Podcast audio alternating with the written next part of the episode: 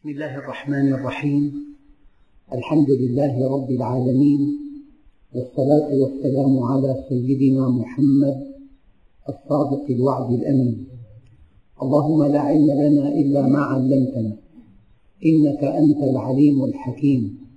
اللهم علمنا ما ينفعنا. وانفعنا بما علمتنا. وزدنا علما. وأرنا الحق حقا وارزقنا اتباعه. وأرنا الباطل باطلا وارزقنا اجتنابه. واجعلنا ممن يستمعون القول فيتبعون أحسنه. وأدخلنا برحمتك في عبادك الصالحين. أخرجنا من ظلمات الجهل والوهم إلى أنوار المعرفة والعلم ومن وحول الشهوات إلى جنات القربات أيها الإخوة الكرام مع الدرس التاسع والأربعين من دروس سورة الأنعام ومع الآية الثالثة والعشرين بعد المئة وهي قوله تعالى وكذلك جعلنا في كل قرية أكابر مجرميها ليمكروا فيها وما يمكرون إلا بأنفسهم وما يشعرون. قبل أن نشرح هذه الآية لا بد من تمهيد. ذلك أن الله عرض الأمانة على السماوات والأرض والجبال فأبين أن يحملنها وأشفقن منها. وحملها الإنسان. إذا الكون بأكمله أشفق من حمل الأمانة. وبقي مطيعا لله غير مكلف. إنما أمره في الكون كله. إذا أراد شيئا أن يقول له كن فيكون. الكون كله عدا الإنس والجن ليسوا مخيرين وليسوا مكلفين. إذا لا تجد الفساد إلا في الذين قبلوا حمل الأمانة. إذا المخلوقات جميعا وكل ذرة في الكون نفس. الدليل. وإن من شيء إلا يسبح بحمده ولكن لا تفقهون تسبيحه. فعدا الإنسان وعدا الجن هذان الصنفان من المخلوقات قبلا حمل الأمانة. فلما قبلا حمل الأمانة منحوا حرية الاختيار وسخر الكون لهم ومنحوا العقل والفطرة والشهوة. والقوة بمشيئة الله. الآن علاقتنا في هذه الآية لا مع المخلوقات المخلوقات جميعا أشفقوا من حمل الأمانة واعتذروا عن حملها وخافوا منها وأرادوا الطريق السالم. ليسوا مكلفين وليسوا محاسبين. أما الإنسان قبل حمل الأمانة وهي نفسه التي بين جنبيه. قال تعالى قد أفلح من زكاها وقد خاب من دساها. قد أفلح من زكاها وقد خاب من دساها. أي أن الذي جعل الله نفسه بين يديه أمانة إما أن يفي بعهده وأن يؤدي الأمانة وأن يعرف نفسه بربها وأن يعرف نفسه بمنهج ربها وأن يعرف نفسه بما عند الله عز وجل من ثواب أو عقاب فتزكو نفسه وتستأهل دخول الجنة إلى الأبد. درسنا يبدأ من أين؟ من أن هذين الصنفين ولندع الجن مؤقتا من أن هذا الإنسان الذي تنطح لحمل الأمانة وقال يا رب أنا لها ومنحه الله مقومات التكليف. منحه الكون بل سخر له الكون تسخير تعريف وتكريم. منحه العقل منحه الفطرة منحه الشهوة منحه الاختيار منحه التشريع. هذه مقومات التكليف. الآن يمكن أن يعامل على طريقتين. يمكن أن يعامل على طريقتين منحه كل شيء أعطاه كل شيء. والطريقة الأولى أن يدعه لنفسه. وفي الأعم الأغلب هذا الطريق ليس فيه تربية ليس فيه معالجة. في الأعم الأغلب ينتهي معظم الخلائق إلى نار جهنم لأنهم آثروا الشهوة على الأمانة. في نقطة دقيقة جدا. الإنسان فيه شهوات حينما يأتي إنسان ليمتعه بهذه الشهوات شيء آني بين اليدين. أما حينما يأتي من يقنعه بالدار الآخرة من يقنعه بالجنة والنار هذه متى يقطف ثمارها؟ بعد الموت. لذلك الشيطان قوة تأثيره بالناس سببها أنه يستغل الشهوات التي أودعت فيهم شيء بين يديهم. هم حريصون على هذه الشهوة. يأتي الشيطان ويلبي هذه الشهوة. تلاقي طرق الطاعات روادها قليلون لكن طرق الشهوات روادها كثيرون. لأن الذين يدعون إلى الشهوات يدعون إلى مكسب عاجل بين يديك. أما الذين يدعون إلى جنة عرضها السماوات والأرض يعدون الناس بأنه بعد الموت هناك سعادة أبدية أو شقاء أبدي.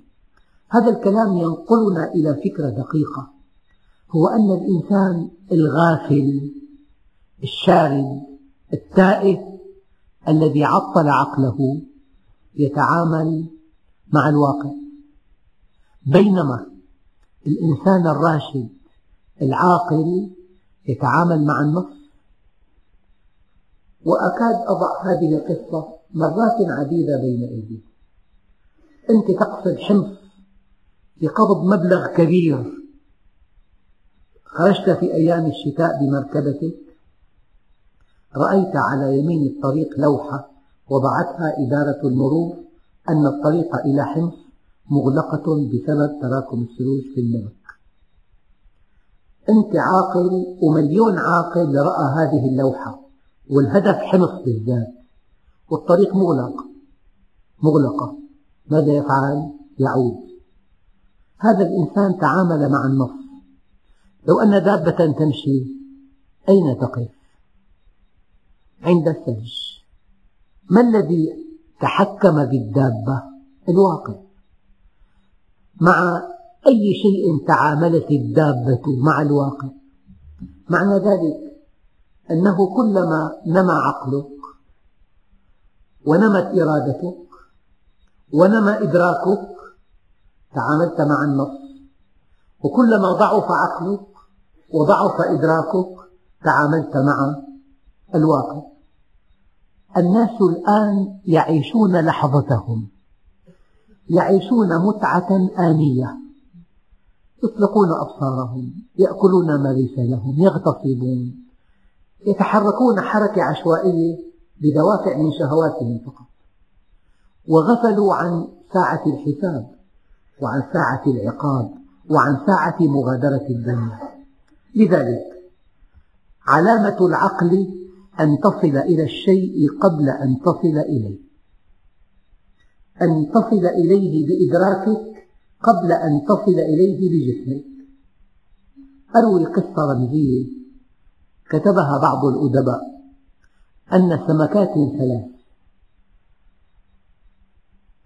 كيسة أي ذكية جدا وعاقلة وأكيس منها أعقل وأذكى وعاجزة.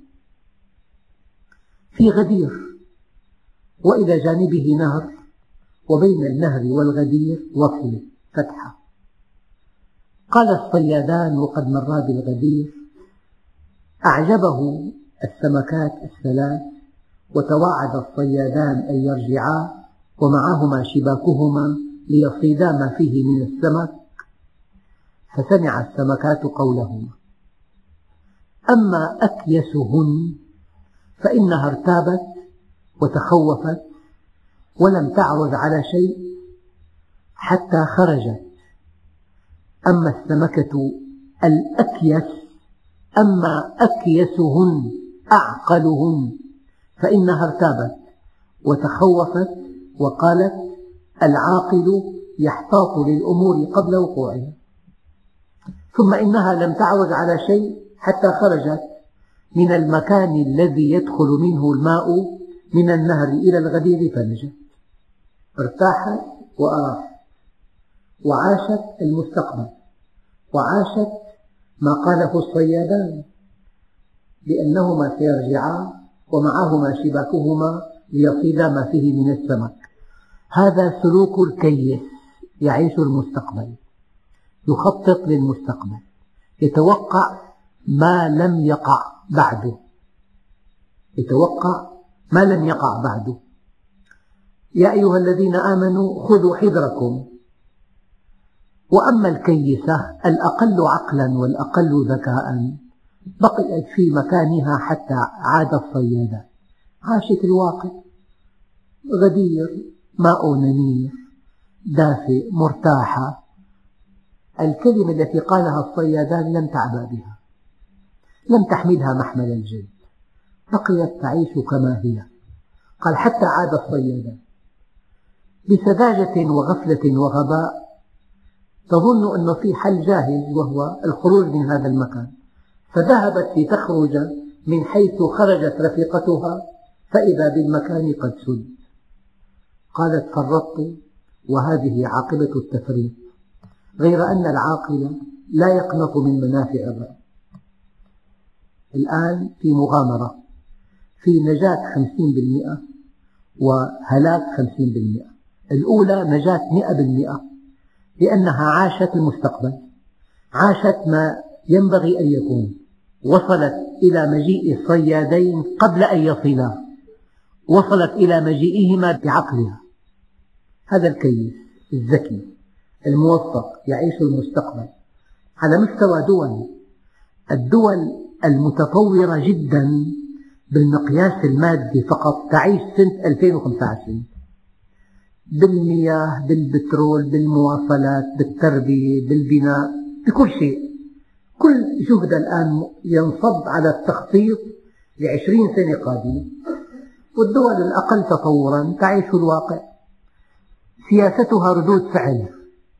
يأتي حدث مفاجئ تفكر في حل وقد لا تجد حل كحال المسلمين. اليوم لا من باب التشاؤم لكن ما هم فيه من محنة؟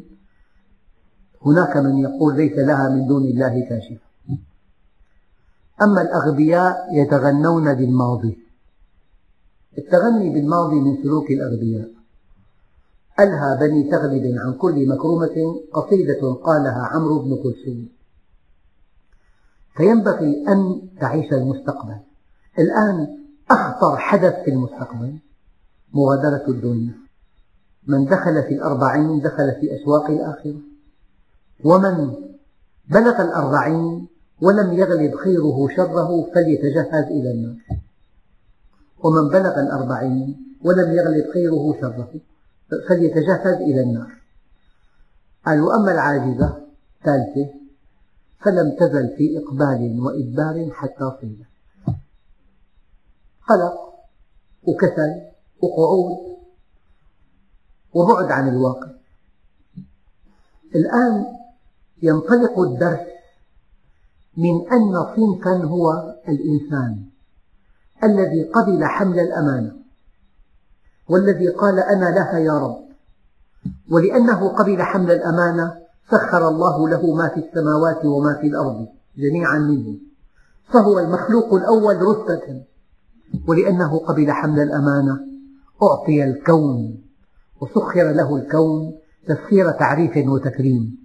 ولأنه قبل حمل الأمانة أعطي العقل أداة هي أعقد أداة في الكون العقل البشري. ولأنه قبل حمل الأمانة أعطي الفطرة التي تنبئه عن خطئه.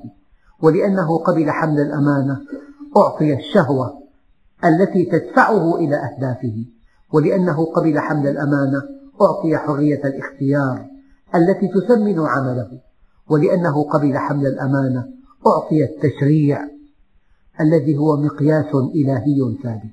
فالحسن ما حسنه الشرع والقبيح ما قبحه الشرع. الآن الإله العظيم صاحب الأسماء الحسنى والصفات الفضلى يمكن أن يدع عباده إلى وقت الموت.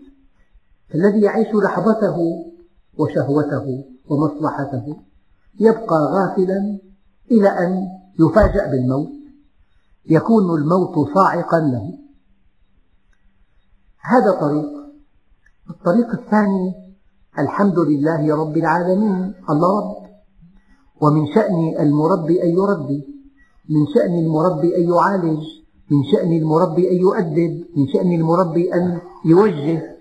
من شأن المربي أن يعاقب. يعني لو دخلنا إلى مسجد وفي عشرة آلاف تأكد تسعين بالمئة من رواد المسجد انضموا إلى الحق على أثر معالجة لطيفة إلهية أحيانا يلوح للإنسان شبح مصيبة. أحيانا يأتيه مرض يتوهم أنه عضال.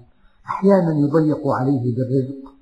فكل هذه المعالجات عملية لفت نظر إلى الله. قال تعالى ولولا أن تصيبهم مصيبة بما قدمت أيديهم لقالوا ربنا لولا أرسلت إلينا رسولا فنتبع آياتك من قبل أن نذل ونخزى. ولولا أن تصيبهم مصيبة بما قدمت أيديهم لقالوا ربنا لولا أرسلت إلينا رسولا. أي أن المصيبة هي في حقيقتها رسالة. دقق. المصيبة رسالة من الله. رسالة. والآن نحن نستخدم هذا الأسلوب. يكون في تهديدات نعمل مناورة مشتركة مع دولة عظمى. يكون في تهديد نعمل عرض عسكري مع الأسلحة. هي رسالة هي. بل إن رسائل الفعل أبلغ من رسائل القول. إذا كان من الممكن وقد أعطينا كل ما نستحق من الله من كون وعقل وفطرة وشهوة وحظية وتشريع. وكان من الممكن أن نعالج تباعا. التوضيح. أنت مدير مؤسسة وضعت إعلان في جريدة. أنت بحاجة إلى موظف يخضع للتدريب والتجريب ستة أشهر. إن لم تكن مربيا تسجل على هذا الموظف أخطاء فإذا تراكمت بحيث ليس لك مصلحة في قبوله تفصله من عمله لو أن هذا الموظف ابنك تعالجه كل ساعة كل ساعة كل يوم السلوك خطأ صواب كذا. انتبه. إذا الرحمة تقتضي التربية. والرحمة تقتضي المعالجة والرحمة تقتضي أن يسوق الله لهؤلاء المقصرين شدائد تعد رسائل لهم لعلهم يرجعون. ظهر الفساد في البر والبحر بما كسبت أيدي الناس ليذيقهم بعض الذي عملوا لعلهم يرجعون. واضح؟ إذا من هنا يبدأ الدرس. الله عز وجل الذين قبلوا حمل الأمانة يربيهم الآن. لأنه رب العالمين ولأنه أرحم الراحمين. إذا لا بد من تربية هذا الإنسان. لو ترك لكان في شقاء وهلاك. يعني ممكن ابن يطلب من والده ألا يدرس وأن يبقى في البيت. هل هناك أب يرضى بهذا الطلب يقنعه يضيق عليه يعنفه إلى أن يحمله على متابعة العلم لمصلحته. الآن النبي عليه الصلاة والسلام حينما دعا إلى الله في مكة معظم أهل مكة أنكروا هذه الدعوة ورفضوها. بل تفننوا بالتنكيل برسول الله صلى الله عليه وسلم وبأصحابه الكرام. فالله عز وجل كما أنه يقوي معنويات عباده المؤمنين الله جل جلاله يقوي معنويات رسله الكرام. فالنبي عليه الصلاة والسلام لشدة ما لقي من الأذى قال أوذيت وما أوذي أحد مثلي. وخفت وما خاف أحد مثلي وجعت وما جاع أحد مثلي حتى إنه لم يدخل جوفي إلا ما يواريه إبط بلال.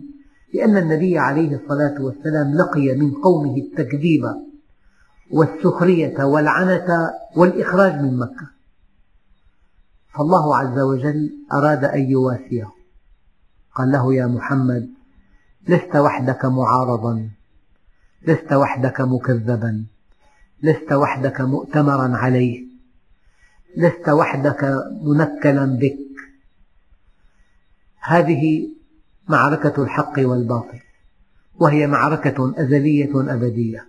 وكذلك يا محمد جعلنا في كل قرية أكابر مجرميها ليمكروا فيها.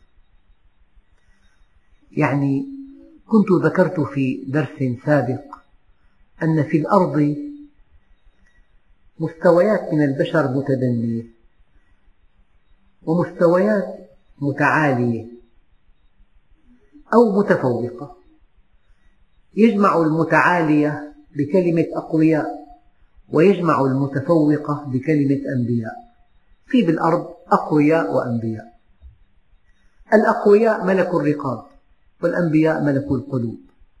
الأقوياء عاش الناس لهم والأنبياء عاشوا للناس. الأقوياء أخذوا ولم يعطوا الأنبياء أعطوا ولم يأخذوا. الأقوياء يمدحون في حضرتهم الأنبياء يمدحون في غيبتهم. لحكمة أرادها الله قال وكذلك جعلنا في كل قرية أكابر مجرميها. ليمكروا فيها.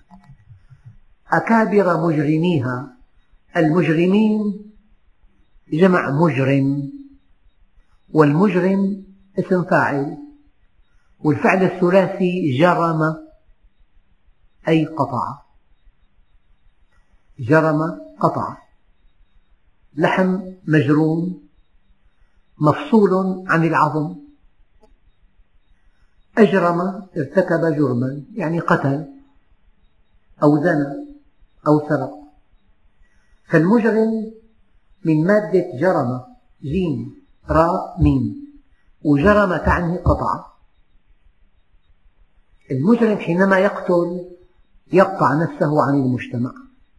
كانت علاقته بالمجتمع أخذ وعطاء فأصبحت أخذا بلا عطاء.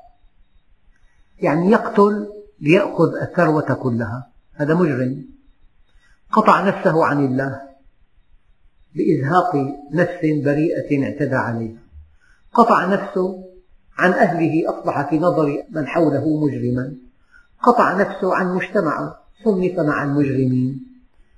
إذا كلمة مجرم يعني آثر مصلحته الخاصة على مصلحة المجموع. آثر أن يبني مجده على أنقاض الآخرين.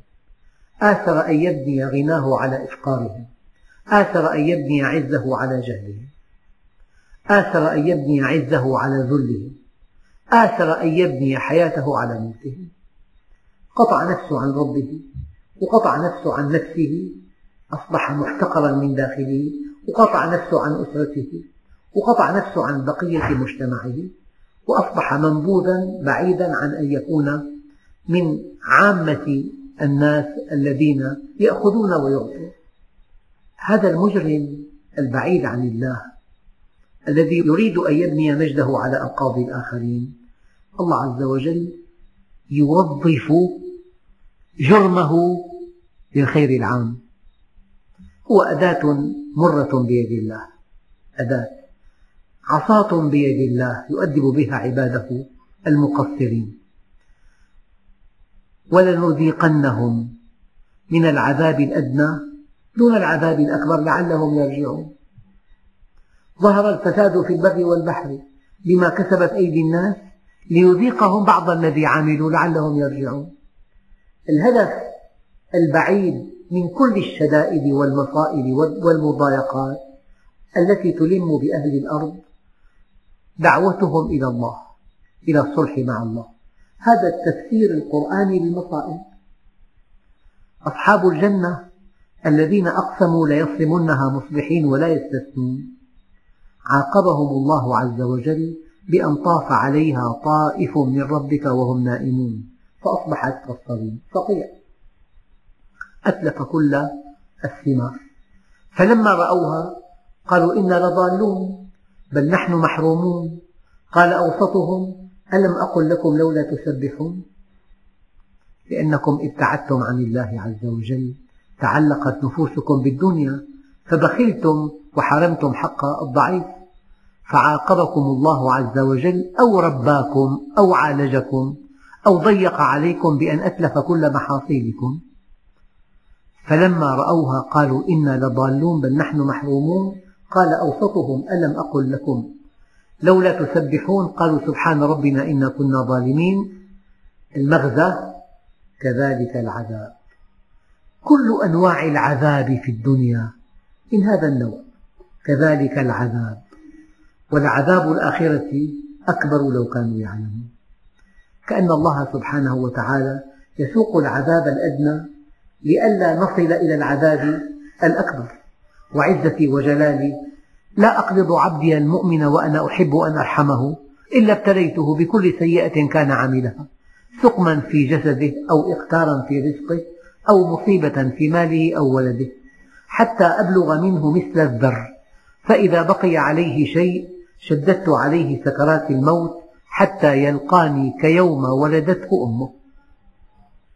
أيها الإخوة وكذلك جعلنا في كل قرية أكابر مجرميها ليمكروا فيها. الآن المعالجة التي يعالج الله بها عباده المقصرين أنواع. قل هو القادر على أن يبعث عليكم عذابا من فوقكم أو من تحت أرجلكم أو يلبسكم شيعا ويذيق بعضكم بأس بعض. أنواع.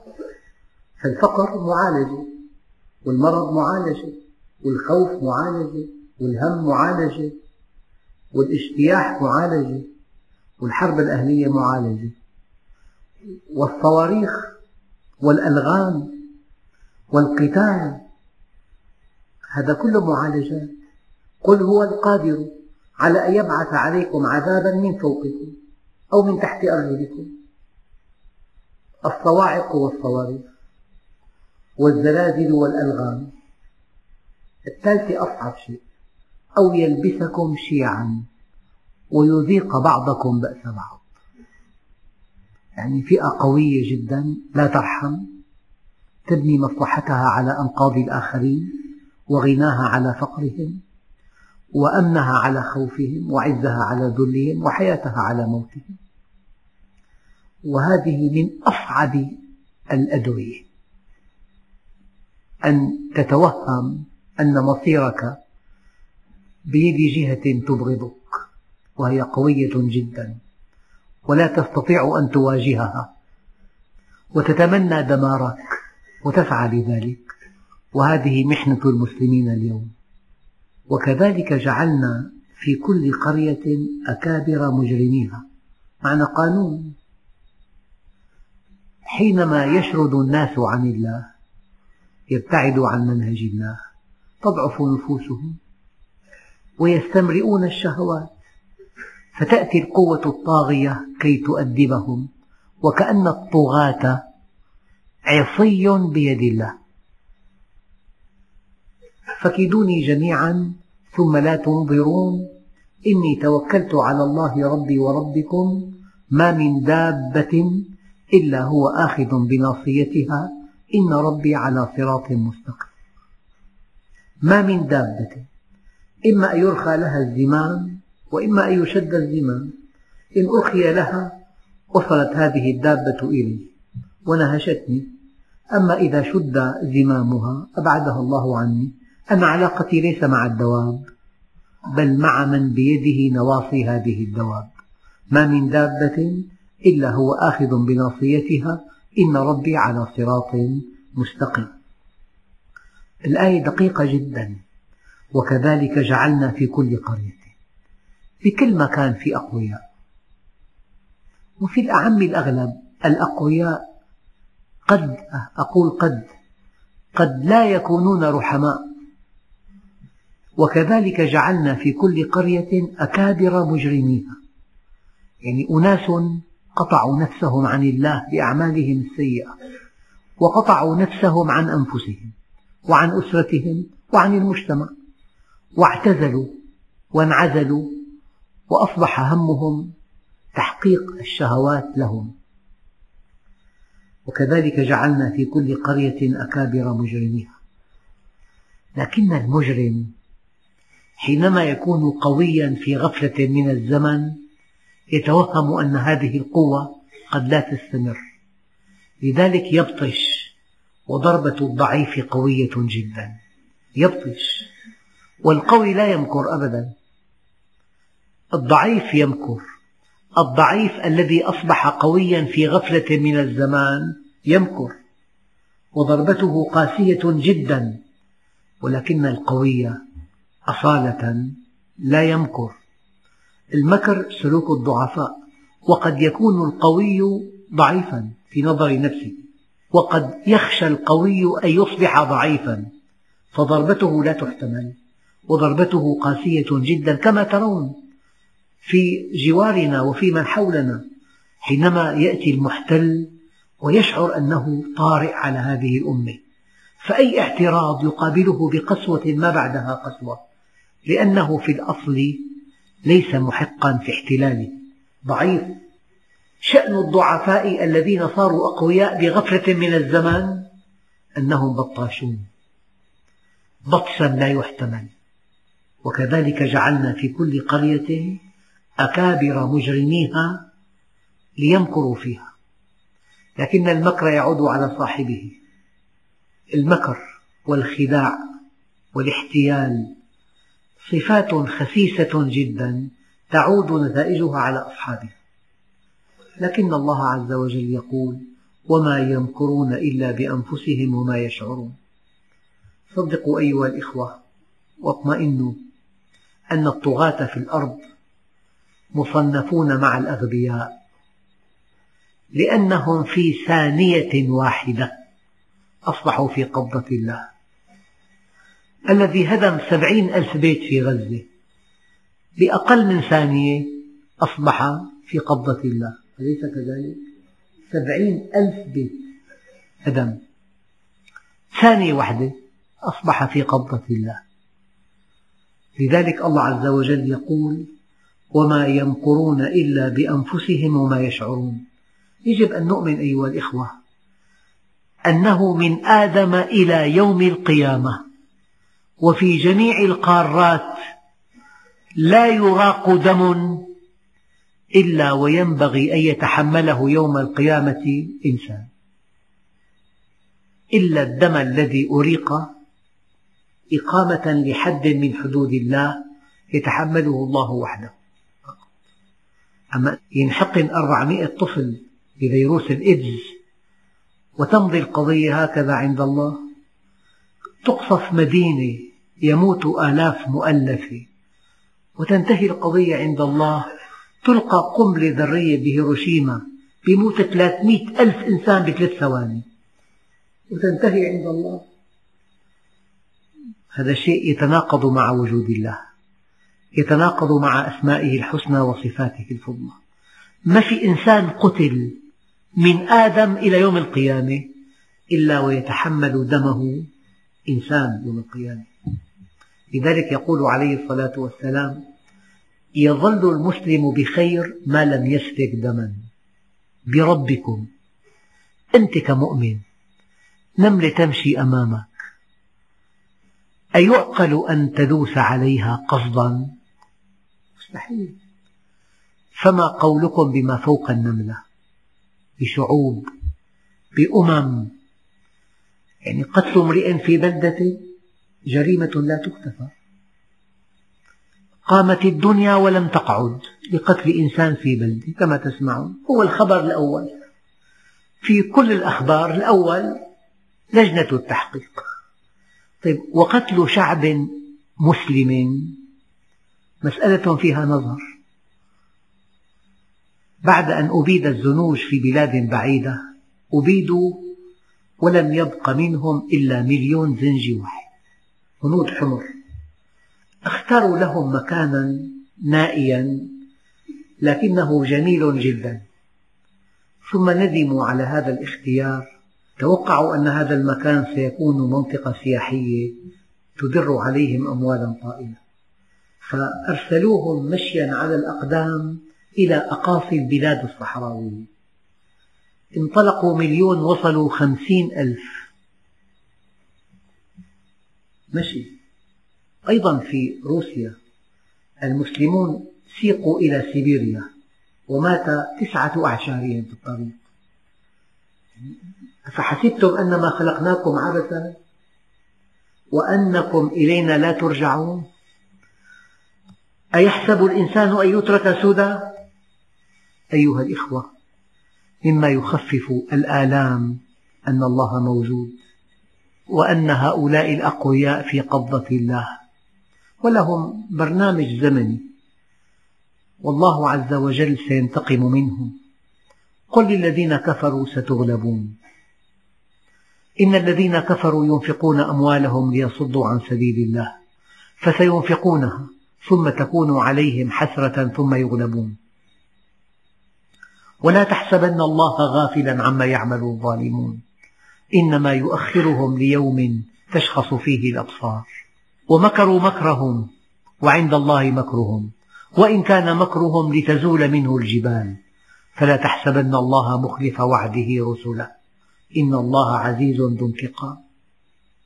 أم حسب الذين كفروا سبقوا أي فعلوا شيئا ما أراده الله أو تفلتوا من عقاب الله إنهم لا يعجزون.